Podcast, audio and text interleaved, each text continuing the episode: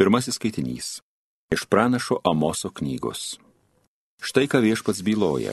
Nei dėl trijų Izraelio nusikaltimų, nei dėl keturių aš savo sprendimo nekeisiu, nes jie parduoda už pinigus nekaltą, už porą sandalų vargdienį. Jie trypia į dulkes mažuosius, pamina silpnųjų teisę. Sūnus ir jo tėvas vaikšto pas tą pačią moterį, kad terštų mano šventąjį vardą. Jie įsitiesia ant užstatytų drabužių prie kiekvieno altoriaus, už pabaudas, perkasi vyno ir geria savo Dievo namuose. O juk aš juokyse išnaikinau amoritus, aukštaugius lyg kedrus ir tvirtus lyg ažulus. Aš sunaikinau jų vaisius viršuje, jų šaknis apačioje. Aš išvedžiau juos iš Egipto ir keturiasdešimt metų vedžiojau po tyrus, kad jūs galėtumėte užimti amoritų žemę. Štai aš įsiubuosiu žemę po jumis, kaip siubuoja vežimas prikrautas pėdų. Tada ir greičiausias nebegalės išbėgti, stipruolis nebeteks jėgų, nei didvyris negalės išgelbėti savo gyvybės. Ne vienas lankininkas neatsilaikys, greitajam bėgikui nepadės jo kojos, nei raitelio neišgelbės jo žirgas.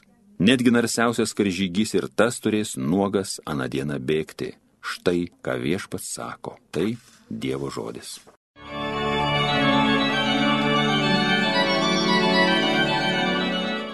Atsikvošėkite, kurie Dievą esat užmiršę. Kam dar tu įsakus mano skaičiuoji, kam dar tavo burna mano sutartį mini, jei tu mano tvarkos laikytis nenori, jei svėdi man, šalin mano žodį. Atsikvošėkite, kurie Dievą esat užmiršę. Vagi pamatęs kartu su juo bėgi, su svetim moteriais bičiuliaujas, tavo burna pasinešus į piktą, melus tauškelį žuvis. Atsikvošėkite, kurie Dievą esat užmiršę kur pakliuvęs liežuvauja ant savo brolio, nešlovė darai močios sūnui, šitaip elgies ir manai aš tylėsiu, manai, kad aš panašus į tave būsiu? Ne, aš tave barsiu, tavo darbais akis tau badysiu, atsikvošėkite, kurie Dievą esat užmiršę. Atsikvošėkit, kurie Dievą esat užmiršę, kad man nereikėtų jūsų griebti į nagą, tada jau nebus, kas jūs gelbė, kas šlovinimo auką aukoja, tas mano gerbėjas, Kas tiesiai žygiuoja, tam parodysiu Dievo išganimą. Atsikvošėkite, kurie Dievą esat užmiršę. Alleluja.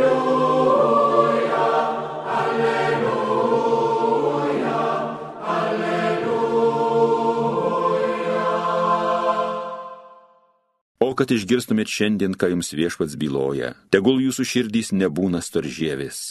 Alleluja.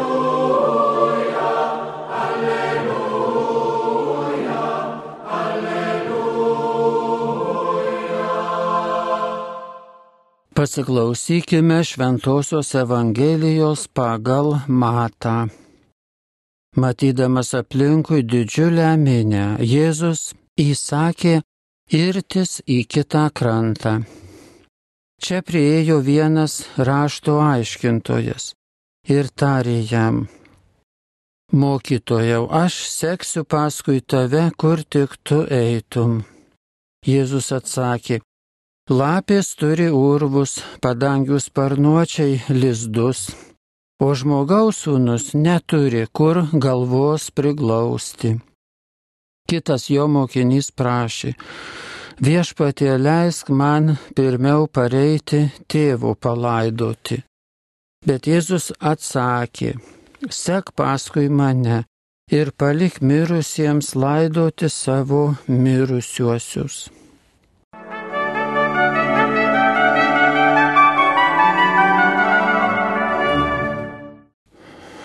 Du aspektai, kuriuos Jėzus pasako šios dienos Evangelijos ištraukoje apie jo sekimą. Pirmas, kad jis neturi kur galvos priglausti ir tai yra žinia apie prisirišimą prie komforto. Evangelija, kuri patogi Evangelija, komfortiška Evangelija yra netikra Evangelija. Lapės, sako, turi urvus, paukščiai lizdus. Jeigu nori būti lape arba kokiu varniuku, tada tau gerai, tu galėsi būti juo. Bet jeigu nori būti tikru Jėzaus mokiniu, tada turi žinoti, kad urvas ir lizdas gali nebūti suderinami su mokinystė, su buvimu Jėzaus mokiniu. Ir kitas aspektas, kurį galime išskaityti, tai, kai Jėzus sako, palik mirusiems laidoti savo mirusiuosius. Tai apie įtikimą žmonėms nes tradicijos, papročiai, taip kaip turėtų būti, visa tai kalba apie įtikimą žmonėms, atitikimą kokias tai tokias normas, kurios nesukeltų kokių tai problemų gyvenime. Ir va tokia mokinystė, toks sėkimas Kristumi, kada išvengiama ar bandoma išvengti e, tokio kokio tai susipriešinimo, sakykime, bet, bet kokiom sąlygom kad ir tie mirusieji būtų patenkinti, ir visi būtų patenkinti, niekas nesupyktų, o mes būtume dar ir Jėzaus mokiniai. Tai va ir abi šios sąlygos, abu tokie aspektai mokinystės, jie padaro mūsų sekimą Jėzumi arba tikrą, arba netikrą, iliuzinį. Nes Jėzaus žodžiai čia tokie aiškus, kad negalime sutapatinti, reiškia, to, kas yra priešinga, tokio ne paties komforto, bet to siekio žūtbūt laikytis komfortabilaus būvio, net tada, kai jis priešingas yra mokinystė ir kaip prisiderinimas prie kitų žmonių, ne visuomet blogas, bet kai kada jis tikrai yra nesuderinamas su Evangelija. Ir štai čia tinka e, tie Biblijos žodžiai tiesa, e, jūs išlaisvins. Jėzus iš tikrųjų yra tiesos mokytojas ir kada tikrieji jo mokiniai ryštasi sekti Jėzumi, ryštasi sekti tiesą, gyventi tiesoje, toji tiesa juos išlaisvina, nes jie tampa laisvi nuo to prisirišimo prie patogumo, prie bet kokio komforto, prie savo urvų. Ir jie taip pat išlaisvinami nuo noro patikti žmonėms kuris irgi tas noras patikti žmonėms, jisai e, turbūt turi ne vieną tokią giluminę priežastį mūsų e, sielose, kodėl?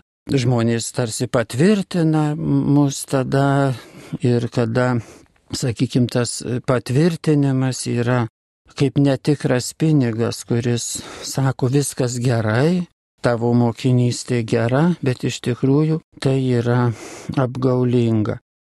Ir todėl čia paprasta Evangelijos ištrauka kalba iš tikrųjų kelia galbūt klausimą, ką reiškia būti Jėzaus mokiniu, ką reiškia sekti tiesą, ką reiškia branginti Dievo tiesą. Ir tiesoje iš tikrųjų, kodėl tai brangi, nes tik joje gyvuoja Evangelija, tik su ją ji gali dėrėti ir tik tiesa e, mus ugdo. Tik tai tokia Evangelija, kuri yra tiesos Evangelija, ji geba mus pačius padaryti tiesius ar teisius, vesti tuo tiesos ir teisumo keliu ir subrandinti mūsų asmenybę. Tada mes einame išsivadavę iš tų dviejų šios dienos Evangelijos įvardytų problemų, iš tų dviejų tokių priklausomybių, išlaisvinti, išvaduoti ir nekliudomai ir autentiškai tikrai sekame Kristumi. Esame tikri jo mokiniai.